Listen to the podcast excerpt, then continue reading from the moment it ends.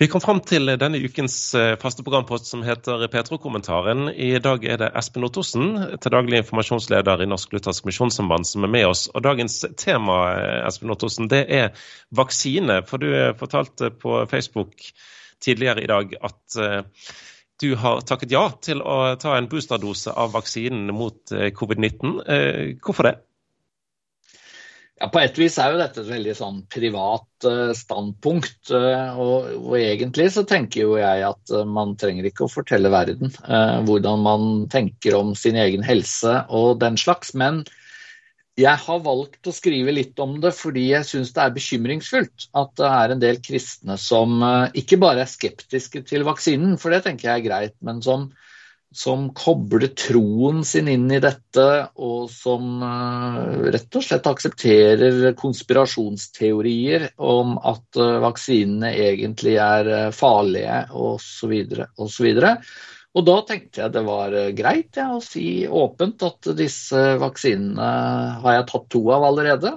Og når jeg da fikk tilbud og en sterk oppfordring fra myndighetene om å ta en såkalt boosterdose, og jeg er da passert 50 år, eh, så da landet jeg på at det tror jeg at jeg skal gjøre. Jeg er jo ingen vaksineekspert, men det er det veldig mange andre i landet som er. Og de har eh, funnet ut at de sterkt anbefaler dette, så det velger jeg å stole på. Men du skriver altså at for deg så handler vaksinering i minimal grad om kristendom eller ideologi? Ja, det skriver jeg, fordi jeg er faktisk litt sånn skremt av og til over hvor hvordan noen kristne grupper gjør egentlig alle samfunnsspørsmål til et spørsmål om åndskamp, eller et spørsmål om hva sier Johannes' åpenbaring eh, og endetiden oss, eller eh, rett og slett eh, hva handler om ideologi.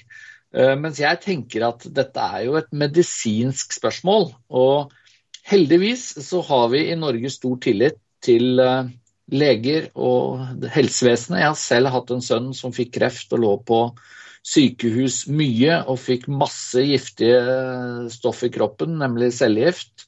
Eh, og jeg googlet jo aldri disse medikamentene. Jeg prøvde aldri å sjekke om det egentlig er noe lureri. Eh, fordi jeg har veldig tillit til at dette har det blitt forska på.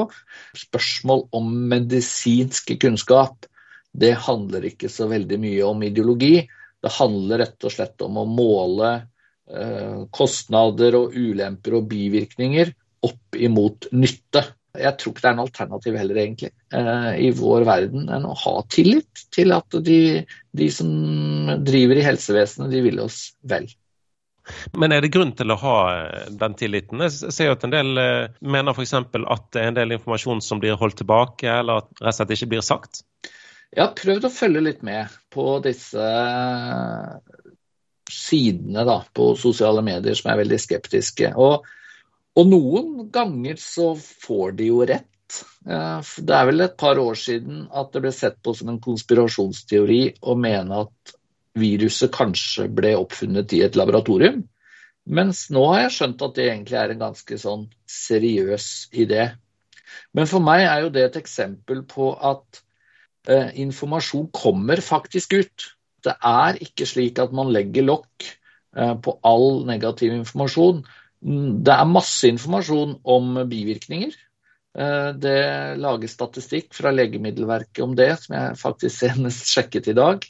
Det er masse informasjon ute som gjør at norske myndigheter droppet to vaksiner, fordi man så at bivirkningene i noen tilfeller var veldig alvorlige. Um, det legges egentlig ikke lokk på den informasjonen, selv om det sikkert finnes eksempler på at f.eks. legemiddelselskapene, som tjener store penger på dette, eh, litt motvillig eh, innrømmer at noe ikke fungerte fullt så bra som de først hadde håpet. Men sånt kommer det jo også informasjon om. Og du eh, setter deg altså snart i stolen og får et sikt til? Det ser sånn ut, og jeg har jo fått eh, to stikk før og nesten ikke opplevd noen bivirkninger i det hele tatt. Og da eh, opplever jeg det som trygt, og så har jeg jo forståelse for at, at folk som er yngre enn meg, eller kanskje folk som opplevde ganske kraftig eh, bivirkning sist, kan gjøre andre vurderinger. Så jeg prøver ikke å sette meg på en høy hest og, og fordømme noen for deres valg, men jeg sier litt om hvorfor jeg tenker som jeg gjør Og så advarer jeg mot en, en altfor stor teologisering og uh, ideologisering av spørsmål om akkurat vaksiner.